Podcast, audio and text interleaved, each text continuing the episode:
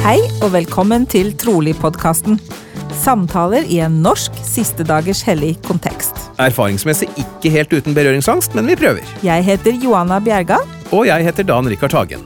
Her i Trolig-podkasten snakker vi med hverandre og med gjestene våre om deres trosreiser og tvilsreiser og andre temaer vi er opptatt av. Målet vårt med denne podkasten er å skape et rom med takhøyde og plass til alle. Fordi alles historie fortjener å bli hørt, og fordi vi mener at det er mer enn én måte å være en siste dagers hellig på. Vi minner om at det som deles her er våre og våre gjesters personlige erfaringer og meninger. Og at podkasten ikke er i regi av Jesu Kristi kirke av Siste dagers hellige. Men for ordens skyld, både Dan Rikard og jeg er aktive troende medlemmer av kirken, og podkasten vil reflektere det. Da kjører vi ny episode.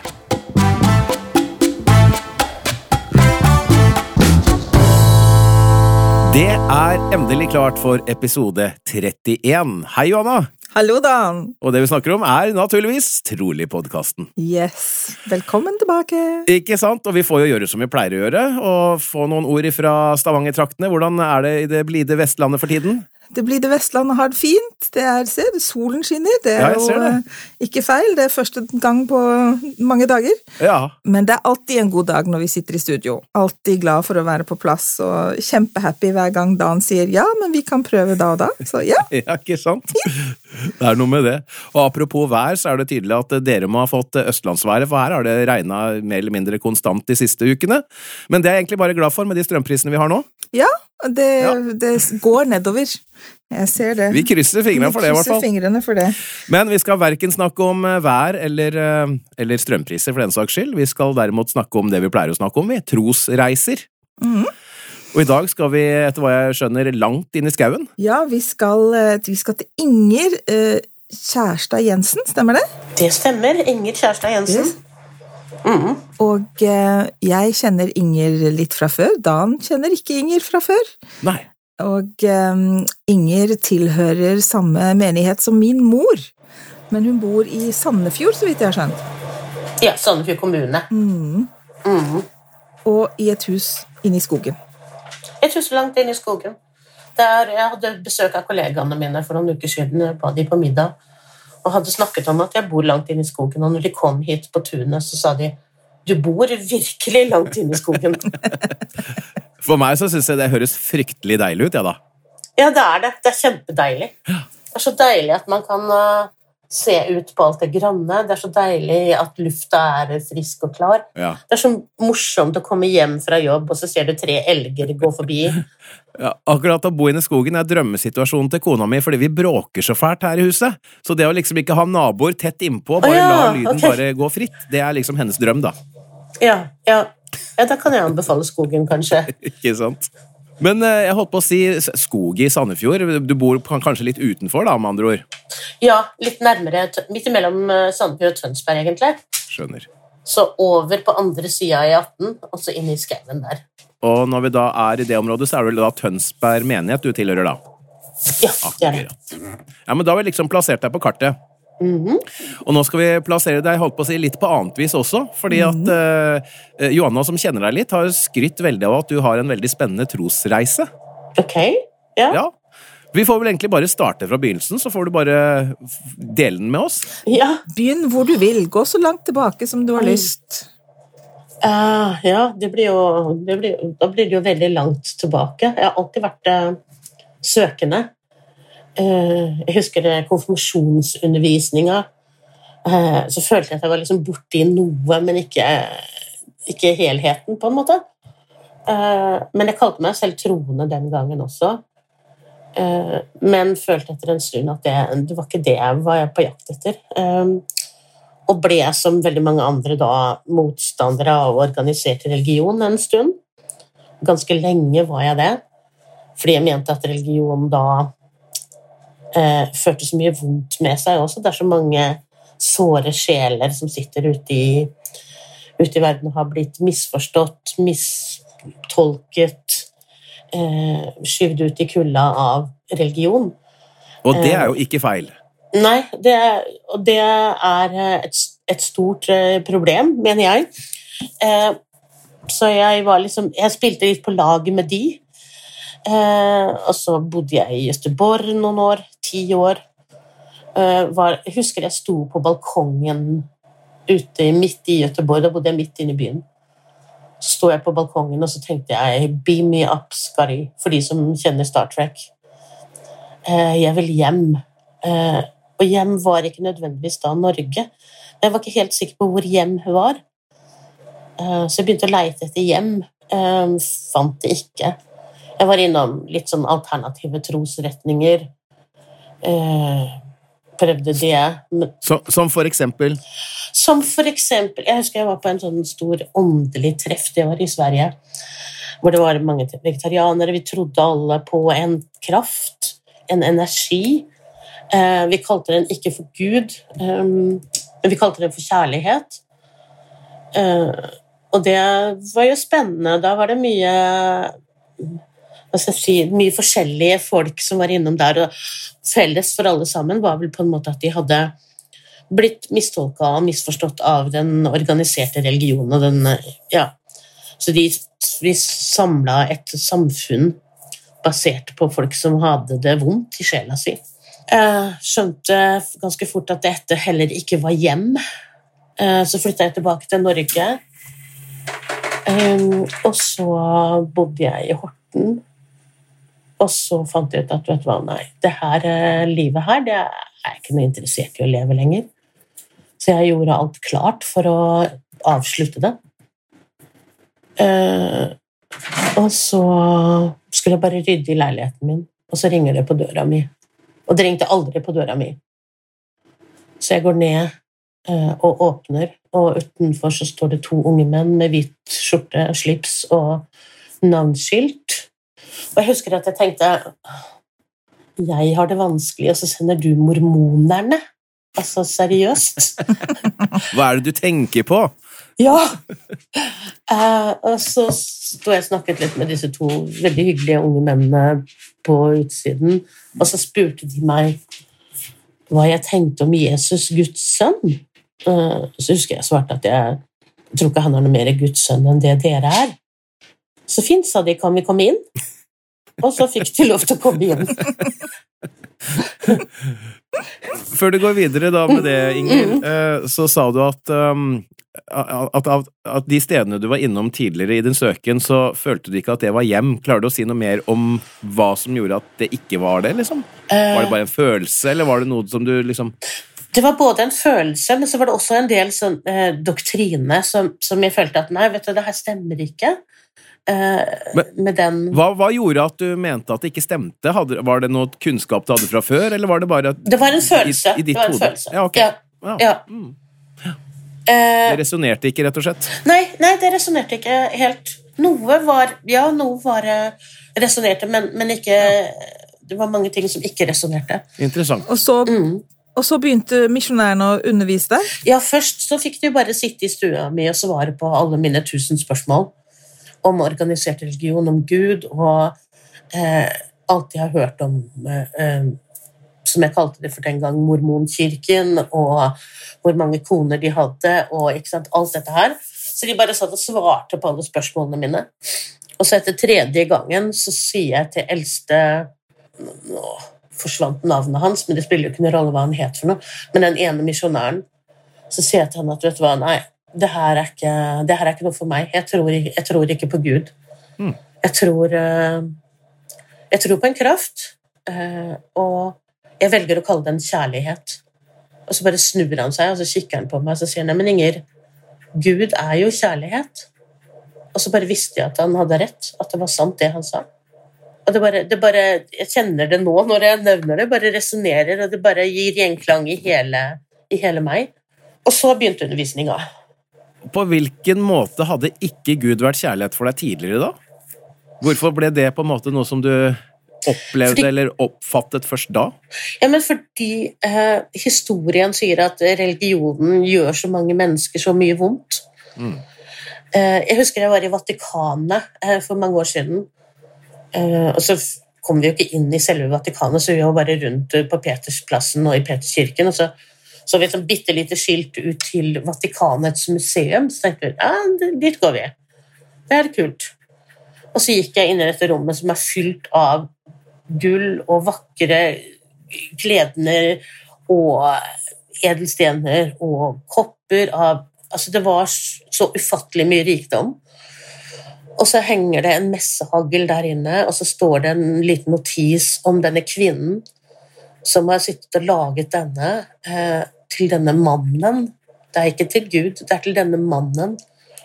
Eh, og hun hadde så dårlig lys, hun hadde ikke råd til å kjøpe lys, så hun ble blind av å sy dette. Mm. Og så tenkte jeg dette er ikke Gud. Det er ikke Gud som vil dette. Så ble jeg litt kvalm, og så måtte jeg gå ut og kaste opp. Oi, såpass, ja. Såpass, ja. Ja. ja. Fysisk reaksjon, rett og slett. ja. Mm. ja.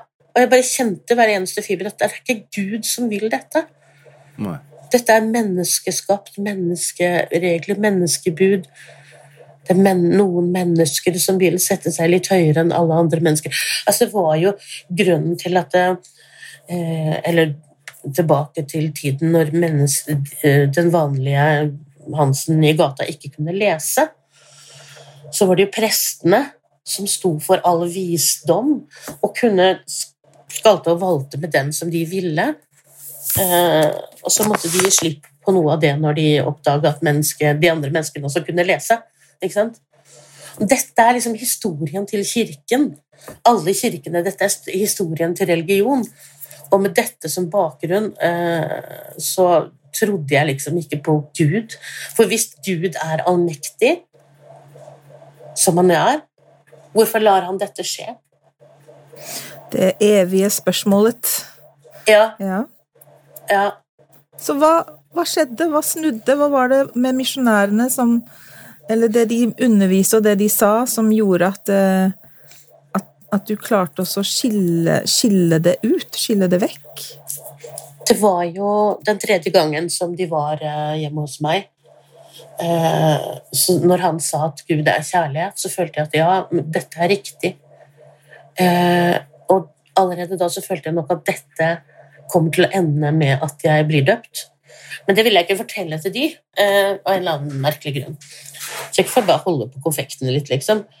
Så hadde jeg ikke lyst til å fortelle de. Jeg ville at vi skulle gå den veien med undervisningen som krevdes for at jeg skulle ta en endelig avgjørelse. Så de underviste meg om masse ting. eh, De underviste meg om templer, og så sier Husker jeg Eldste Hansen sa Inger, hadde det ikke vært kult å dra til et tempel? Så jeg tenkte, jo, det hadde vært kult. Jeg er jo ganske nysgjerrig, så det kjente at jo, det hadde vært eh, spennende. Så sier han ja, men da kan vi gjøre det sånn at eh, når jeg er ferdig på misjonen min, så drar jeg hjem til USA og så henter jeg familien min, og så kommer vi tilbake, og så plukker vi opp deg, og så drar vi til tempelet sammen. Og bare, ja, Det hørtes jo morsomt ut, det. Og så sier han ja, men da, da tar vi hverandre i hånda på det. Um, så vi tok hverandre i hånda, og idet jeg slipper hånda hans, så innser jeg at Men hei, vent litt nå. Eh, Hva er det jeg har sagt ja til nå? Hva er det jeg har sagt ja til nå? Nå har du, nå har du lura meg, du. For, at, for at jeg skulle kunne dra til tempelet, så må jeg ha vært medlem et år. Så ja, ja, men du rekker det. Ja, ok. Og så ble jeg da invitert til å komme til kirken i Tønsberg for første gang. Og så tenkte jeg at å, herlighet, hvordan skal dette gå? Liksom, jeg følte meg absolutt ikke klar for noe sånn uh, Møte masse andre mennesker, være i en organisert situasjon med organisert religion. Eh, visste ikke helt hva, hva, jeg hadde, hva jeg kunne forvente. Visste ikke hva som var forventa av meg. Jeg hadde masse spørsmål som kan jeg ta sakramentet selv om jeg ikke er medlem. Altså masse sånn ja. Og de bare 'Bare kom, Inger'. Jeg bare, 'Skal jeg ha på meg noen spesielle klær?' Eller 'Hva er det?' liksom? Nei, nei, bare kom. Bare kom, du. Bare kom, Inger. Så endte det meg opp at jeg til slutt eh, dro da, til eh, kirken i Tønsberg. Og så var det så rart, fordi med en gang jeg kom inn av dørene, så føltes det litt som å komme hjem. Mm. Så jeg, I alle dager, jeg har aldri vært her før. Hvorfor gir det meg denne følelsen av å komme hjem? Uh, og den følelsen bare vokste og vokste jo mer jeg var i kontakt med medlemmene, jo mer jeg var i kontakt med misjonærene, og jo mer de underviste meg, så var det som Det føltes som å komme hjem. Og det var en helt spesiell, helt uh, unik følelse. Den hadde jeg aldri følt før. Hvis du skal beskrive den hjemfølelsen, har du noen ord du kan bruke da? Ja, den uh, starter i hjertet, og så brer det seg utover i brystet og utover hele kroppen. En sånn varm trygghet, en visshet, en kjærlighet som gjør at uh, jeg kan bare falle til ro. Jeg behøver ikke å gjøre noe eller være noe eller prestere noe eller Jeg kan bare falle til ro og bare være i det. Det må jo sies òg at Tønsberg er jo, er jo ikke noen stor menighet. De er en, Nei, det er det ikke. de er en søt, liten menighet Ja, um, på alle måter. Og, eh, men det er, det er som du sier, Inger, det er noe litt spesielt der. Det er en veldig god eh, atmosfære, mm, om det går Det an å si det sånn. ja. Mm. Det er mye kjærlighet. Det er veldig mye Det er mye kjærlighet. kjærlighet der. Det Mm. er det. Og så er det en ting jeg eh, oppfatter når du forteller om eh, din reise, da, for å kalle det det, det er at du er et følelsesmenneske. Ja, absolutt. På Mm. alle Ja. Og, Mm. og, og, og det kjenner jo jeg meg selv veldig godt igjen i, for det fungerer veldig på samme måte hos meg. Og så oppfatter jeg med å snakke med andre at ikke alle har det på samme måte. Mm. Så det syns jeg er litt interessant. Mm. Er det noe um, Hva tenker du er eh, årsaken til at du er et følelsesmenneske? Har du noen teorier om det?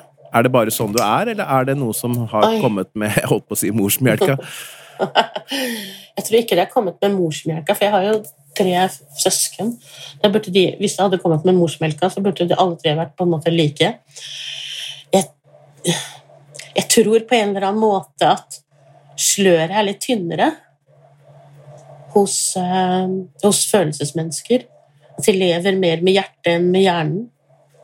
Og følger hjertet. Det er som jeg sier at det, eh, ja, jeg eh, kan ikke alt om kirken, jeg kan ikke alle regler, jeg kan ikke eh, all doktrine, jeg kan ikke alt som står i mormons bok. Ikke sant? Jeg kan ikke alt dette.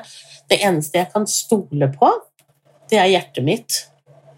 Og hvis hjertet mitt sier at det er riktig, så er det riktig. Og hjertet mitt merka jeg jo også når jeg ble undervist av misjonærene, at det ble mer, mer og mer åpent. Det ble mykere, jeg ble mykere i hjertet, som det står i skriftene også. Det ble mykere i hjertet, mer kjærlighetsfull. Og jeg tenker at hvis noe kan gjøre at jeg blir mer myk og mer kjærlighetsfull, så er det jo verdt allting. Sånn rent sånn tidsmessig, når, når, når var dette? Dette var 2016. 15. Mm, september, tror jeg, at misjonærene kom til meg første gangen. Og hvor lang tid tok det før du faktisk tok steg og ble døpt? Da ble jeg døpt eh, 25. februar i 2017. Mm.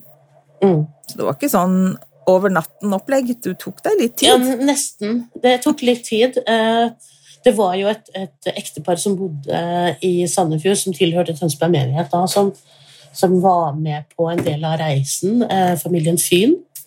Susanne og Magne. Som nå er i Arendal? Yes. Som nå er i Arendal. Synd, dessverre, for oss, Mm. men eh, sikkert fint for de. Men de, vi var en del hos de, eh, og Susanne eh, er en veldig klok, innsiktsfull og omsorgsfull dame som ga meg masse inspirasjon. Eh, så jeg satt i bussen på veien tilbake til, Horten, da fra Sandefjord, etter å ha vært hos de en kveld, og så følte jeg bare at eh, jeg må bare døpes. Jeg er bare nødt til å gjøre det. Det det er ikke noe, jeg kan ikke forklare det annet enn at dette er noe jeg føler at jeg må. Så sendte jeg en eh, tekstmelding til misjonærene om, om at eh, sånn var det. Og så fikk jeg bare til svar at ja, men da vet du hva vi må gjøre. Og så tenkte jeg nå. Nå kommer alle disse reglene og uh, hemmelighetsmakeriene og alt det som jeg ikke har fått vite. Nå kommer Det, det. det med liten skrift? Det med liten skrift, veldig liten skrift lengst ned på arket. Nå kommer det. Uh, og så svarte jeg bare nei, jeg aner ikke. Og så fikk, fikk jeg til svar nei, vi må tømme ut al alkoholen din. Å ja, ok. Det hadde jeg ikke tenkt på engang.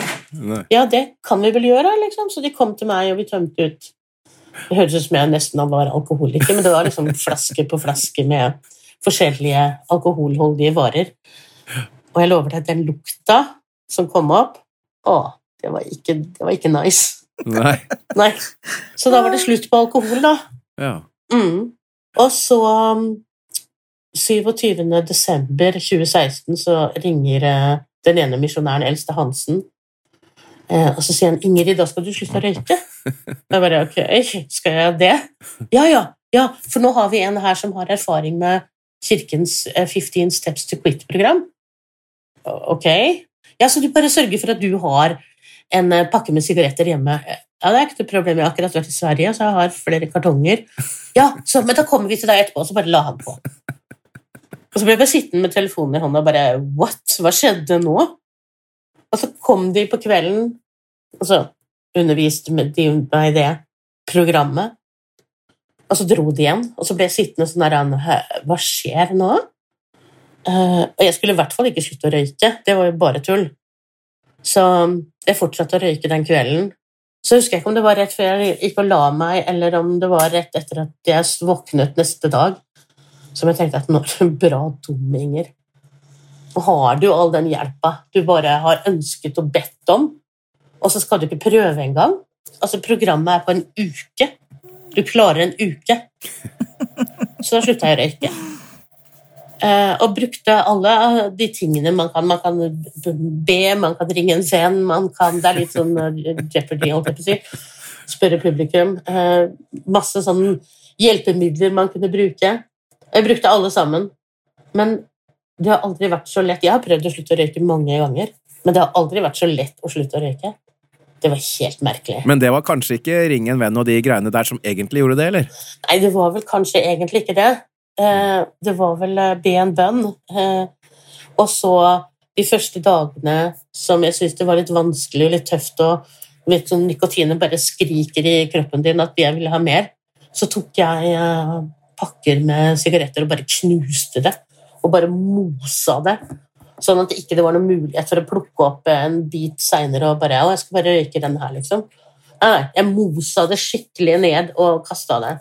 Og jeg tenker at det, og med Guds hjelp, så klarte jeg å slutte å røyke. Og det er jeg veldig stolt av. Ja, det har du da all mulig grunn til òg. Jeg har skjønt at, at det ikke er lett å slutte å røyke. Nei, det er overhodet ikke lett. Det er veldig mye lettere å bare ta den ene røyken, og så bare ja, jeg tar den igjen. Og så er det vel også sånn at de fleste som slutter å røyke, de pleier ikke å angre på det valget i etterkant, har jeg skjønt. Nei, ja, det gjør jeg jo overhodet ikke heller. Og jeg syns røyk er eh, forferdelig. Det lukter vondt, og ja. Nei, æsj. Øh. Ferdig med det kapitlet. Ja, ferdig med det. Uh. Imponerende. Ja. Det er gøy. Ja, det er moro. Så ble du døpt i februar. Ja, ble. Jeg hadde egentlig tenkt at jeg skulle ha dåpen ute i havet, fordi jeg er, veldig, jeg er sånn friluftsmenneske. Så jeg tenkte at det passa veldig bra. Eh, og det var en veldig varm vinter helt til den siste uken før dåpen. Da ble det kjempekaldt, og alt bare frøys Så klart. Og bare ok, vi dropper det ute greiene, da. Vi tar det inne. Så det var i kirken i Tønsberg. Og det var altså i februar da, 2017 blir det da. Ja. Ja. Det blir det. 25. februar. Mm. Og veien etter det har vært som en uh, Dans på roser. Ja. det er vel sånn historien må være, vel? Og du levde lykkelig alle dine dager og sånn. Ja. Ja, ikke sant? Jeg vet ikke hvilken historie som må være sånn, men min er ikke sånn. Nei. ja, for det kostet litt. Det gjorde det. Det er klart det kosta. ehm, og det kosta eh, De tingene det kosta, er Altså, noen ting gjør fremdeles litt vondt. Eh, litt fordi at det baserer seg på misforståelser eh, og eh, overtro. Ehm, jeg mista jo min beste venninne, eh, som eh, mente at jeg var blitt hjernevaska etter at eh, talen som jeg holdt på stavskonferansen, ble publisert. Og hun leste den, så mente hun at jeg var blitt hjernevaska og var ikke interessert i å være venninna mi lenger. Eh, Så det kosta jo, selvfølgelig. Men, eh, og det er veldig trist. Men eh, jeg kan jo ikke ofre min udødelige sjel på grunn av hennes misforståelse. Det går ikke. Nei, og det er, en ting, og en annen ting er å leve på tvers av sin egen Mm. overbevisning. Det gir ikke noe lykke i det. Nei. Men det var veldig morsomt med denne eldste Hansen, da, for han ga seg jo aldri. Det var jo aldri, det var ikke mulig å si nei til han. Så når jeg hadde vært medlem en stund, så Jeg var på sommeren etter, altså sommeren 2017, så ringte han Da hadde han eh, blitt overflytta til Bergen. Og så ringte han og sa 'Inger, du kan dra til, eh, til patriarken'. Jeg bare 'hæ?' Jeg hadde ikke hørt om patriark engang. Jo, jo, men du kan dra og få sånn patriarkalsk velsignelse. Ok, ja, da kan du komme til Bergen. Det kan du gjøre nå. Ja vel, ok. Ja, så bare gå og så kjøper du en flybillett, og så skal vi ordne og du kan bo hos noen i Bergen. Uh, ok. Ja, så, og så legger han på. Og så har Og så måtte jeg bare kjøpe en flybillett til Bergen da, og de ordna sånn at jeg kunne bo hos vakre Edel i Bergen. Og så dro vi til Patriarken. Og min eneste, mitt eneste krav tilbake til han var at da blir du med hele veien. Hele veien må du være med, så må du holde meg i hånda nesten, for dette er skummelt. Og så møtte vi da Karsten Andersen, som er eh, patriarken vår, som er en fantastisk mann. Herlighet, jeg aldri Oi, det Ja. Et stort hjerte og en stor ro og en stor kjærlighet. Helt fantastisk. Oi, jeg blir helt matt bare jeg tenker på det. Eh, og så var vi der, og så fikk jeg en patriarkalsk velsignelse som var utrolig spennende. Og så dro jeg tilbake til Horten og til Tønsberg, og så ringer eldste Hansen igjen og så sier han, nå er jeg ferdig på misjonen min snart, så nå drar jeg hjem. Men vi henter deg på Gardermoen. Og så henta de meg, og vi dro til tempelet, og moren hans var min ledsager gjennom tempelet. Og det var også helt fantastisk. Det føltes virkelig som å komme hjem. Virkelig. Enda mer hjem. Enda mer hjem En, Enda mer hjem, Ja. Når vi hadde gjort alt forberedende, så spurte hun tempelvertinnen hvordan jeg følte meg. Og så tenkte jeg oi, skal jeg føle noe? Ja? Oi, vent litt. Uh, at det føles som å komme hjem. Ja. Det er det eneste jeg kan si.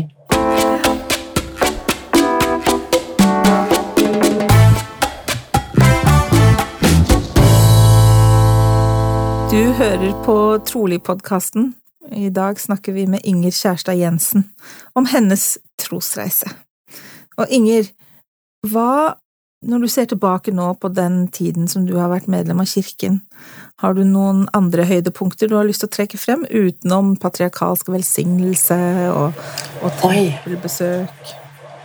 Eh, det, er, det er så mange opplevelser, og jeg vet liksom ikke, det er ikke alt som egner seg på trykk, tror jeg.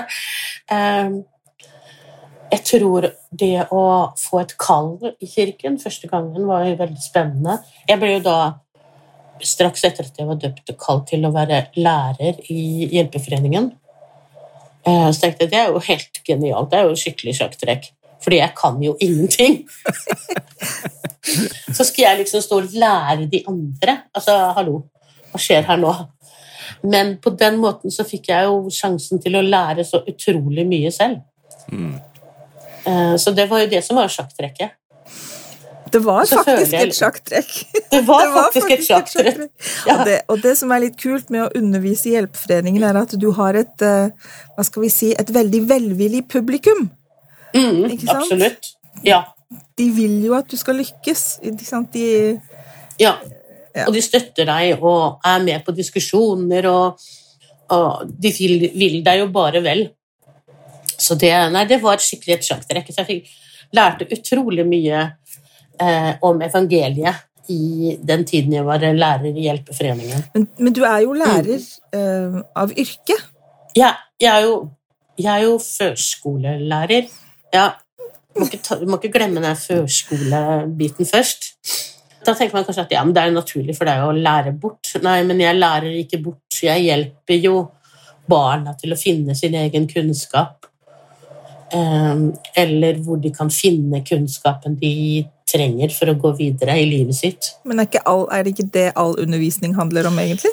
Egentlig jo, men eh, det er ganske mye misforståelser der ute, tror jeg. Men egentlig så er det det det handler om. Og hvis du klarer det, så, så har du på en måte lagt gullegget. Eller klart å så sommerfuglfrø, som jeg sier. Jeg tok en master i pedagogikk og var ferdig i 2017, så jeg holdt jo på med dette mens eh, jeg ble undervist av misjonærene og ble medlem av kirken. Tok en eh, skrev en masteroppgave i pedagogikk, og den tittelen var 'Om å så sommerfuglfrø'. Det må du forklare litt mer. Ja, men, for det fins jo ikke. Sommerfuglfrø fins jo ikke, så det er jo Nei. bare tull. egentlig å si. Men det handler noe om at eh, du kan tenne den lille gnisten i et barns øyne om at Ja, vet du hva, dette klarer jeg. Dette kan jeg. Jeg er faktisk verdt å bli elska. Jeg er verdt å bruke tid på.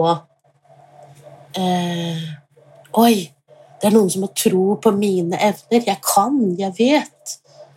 Hvis man klarer å så det i et barns hjerte og bevissthet, så har man sådd et sommerfuglfrø. For da kan det barnet fly. Fantastisk. Mm.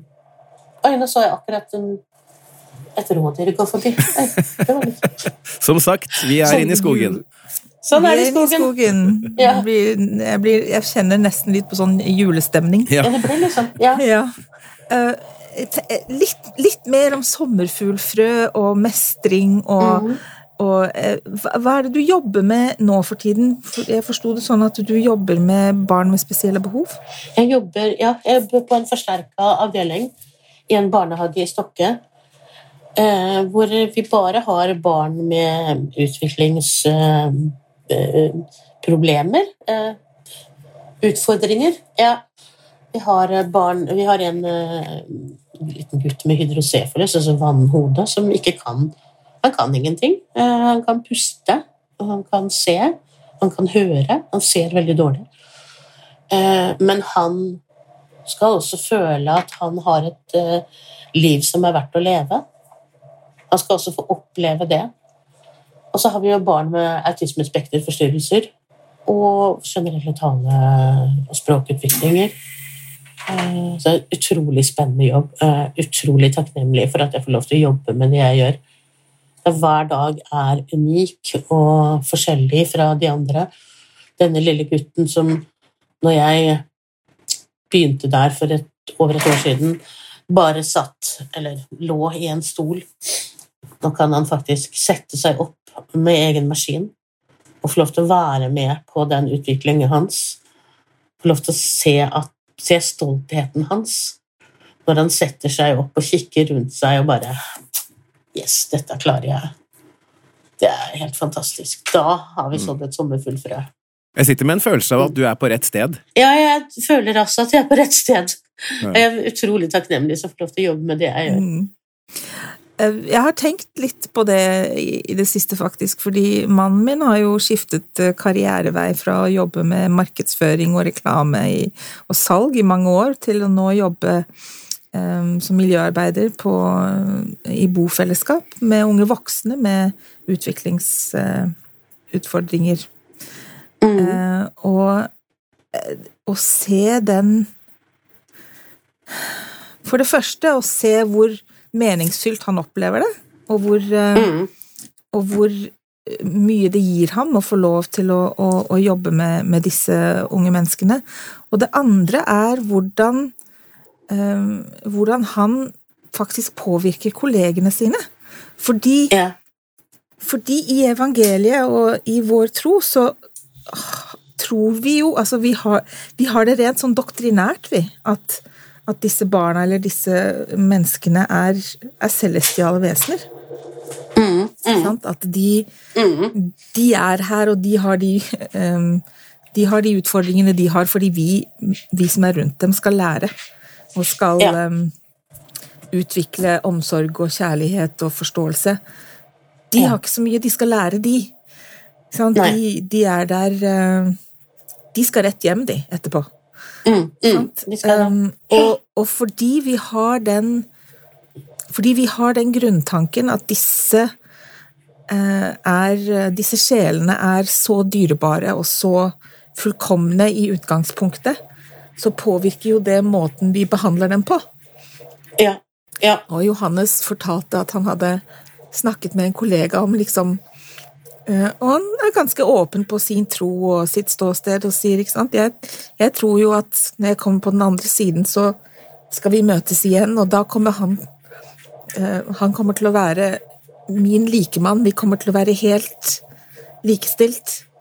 Mm, mm. Um, eh, Og du kan se hvordan kollegene hans liksom Oi, ja. De er ikke bare noe som vi skal at, Som vi skal hjelpe, og vi skal uh, uh, ta vare på, men, men de er De er likestilt. De er våre søsken, liksom. Mm. Jeg tenker at det, jeg har en ring på tommelen, eh, og den er der av en grunn. Det er at den skal minne meg på å være nærværende i nuet. Så hver gang jeg tar på den, så blir det sånn kalt tilbake til ok, er her, da? Er til stede her og nå? Og jeg tenker, er det noe disse barna kan lære oss, så er det å være til stede her og nå. Mm. Uh, å få oppleve verden sammen med de, uh, og uh, på deres premisser. Det er en helt fantastisk jobb. Eh, ja. Jeg hadde gjerne gjort det for evig, hvis ikke lønna hadde vært så dårlig. Ja, det er det. Det er det. Men det bør vi ikke gå inn på Nei nå. da. Det er en, det er en annen podkast, det. Ja, det er en annen podcast, det. Nei, men jeg kan forestille meg at det er relativt eh, fysisk eh, slitsomt. Det er det. Veldig. Og det går veldig på lyd. Det er mye lyd. Så vi har, eh, vi har jo ørepropper som vi kan gå med når vi føler at vi trenger det. Og noen av disse autistene de hyler jo, eh, og det er voldsomt til hyl. Eh, og hvis du, de blir utsatt for Han ene vi har, hvis han blir utsatt for litt forventningspress, så bare hyler han. Eh, ja. Så da må, da må man stå i det òg, da. Ja. Så prøve å lirke og lure. Jeg er nysgjerrig på én ting, eh, Inger, før vi etter hvert skal over på de såkalte faste postene. Fordi vi begynte jo et sted i din historie. Men hvis vi går enda lenger tilbake, kan ikke du fortelle oss litt om eh, hvor du sånn opprinnelig kommer fra, og familiesituasjon? Jeg er født i Sandefjord. eh, 1965.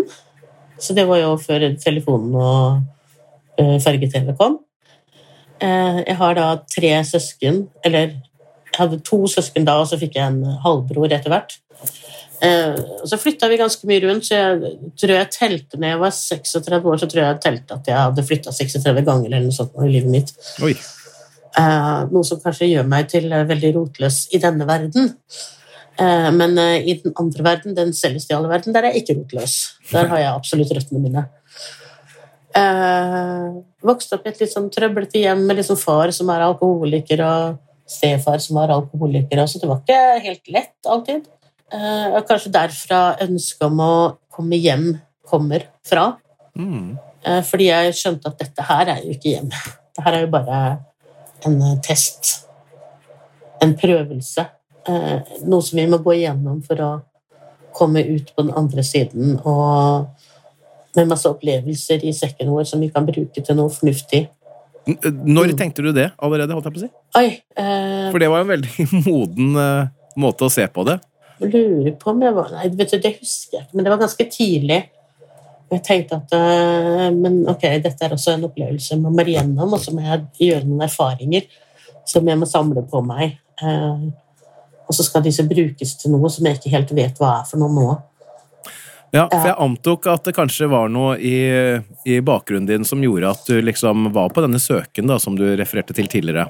Mm. Så du Mm. tenker at det er det Jeg tenker at det er en av grunnene til det. Men også så tenker jeg jo at det, selv om vi, når vi kommer til, til jorda, har glemt alt om vår, vårt førjordiske liv, så tror jeg likevel at det sipper igjennom litt av og til. Og det er jo hos meg, da, så krystalliserte det seg i et ønske om å komme hjem, for jeg visste at dette ikke var hjem. Mm. Derav 'beam me up, Skari'. Altså ta meg bort herfra. mm. Så fant jeg hjem, vet du. Og så fant du hjem.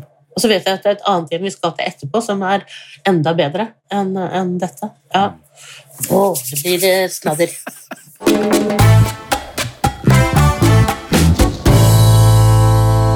Dette er Trolig-podkasten med Johanne Adan, i dag med besøk fra Inge Kjærstad Jensen, som holder til i Sandefjord og tilhører Tønsberg menighet.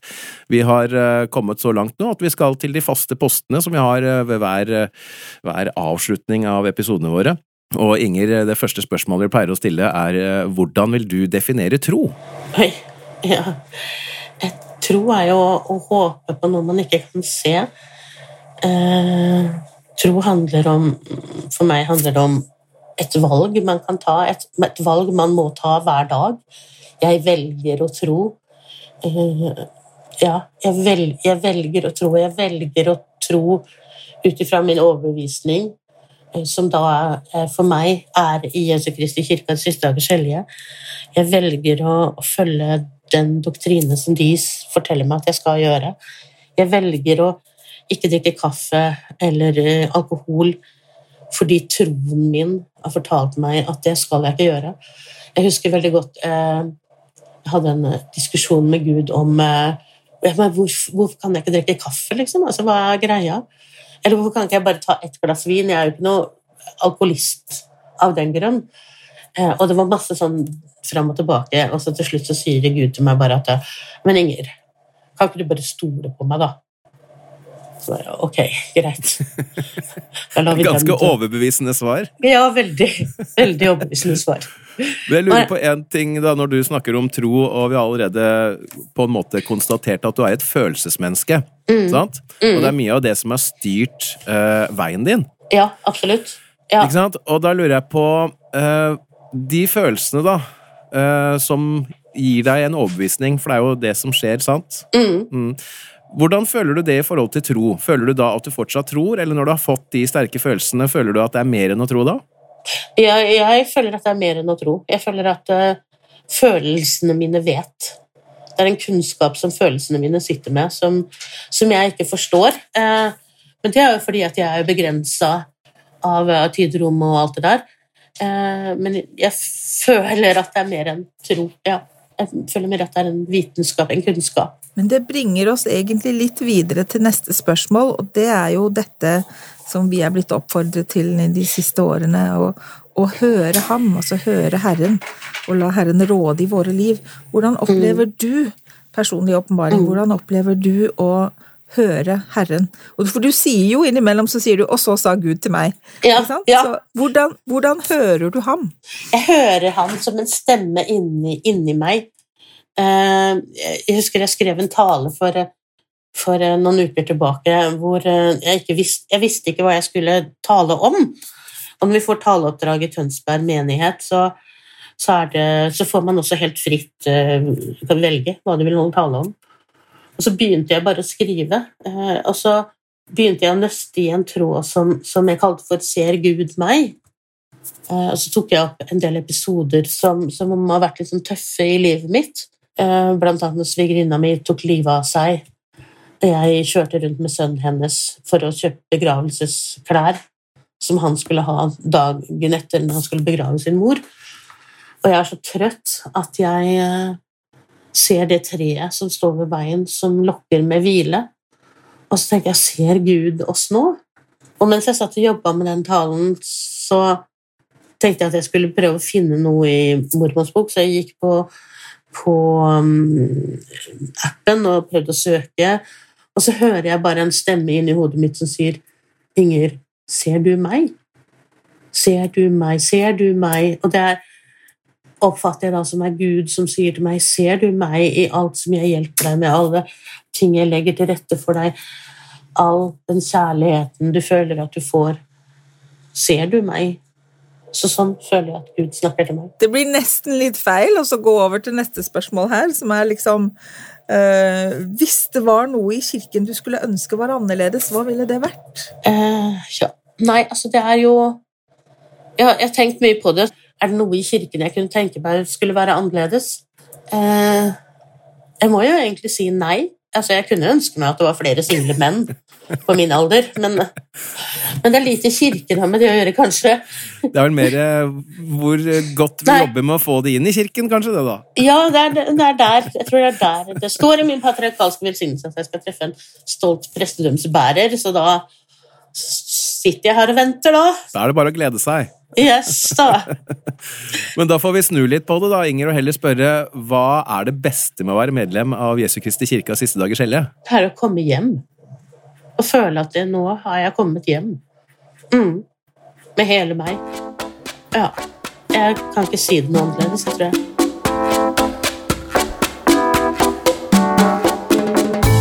Tusen takk for at du hørte på dagens episode. Vi er snart tilbake med en ny og spennende samtale. Og for å gjøre ventetiden litt kortere, så kommer som vanlig vårt nyhetsbrev Mer enn trolig i innboksen din om kort tid. Ja, Det er hvis du abonnerer på det, da, og det gjør du enkelt inne på vår Facebook-side.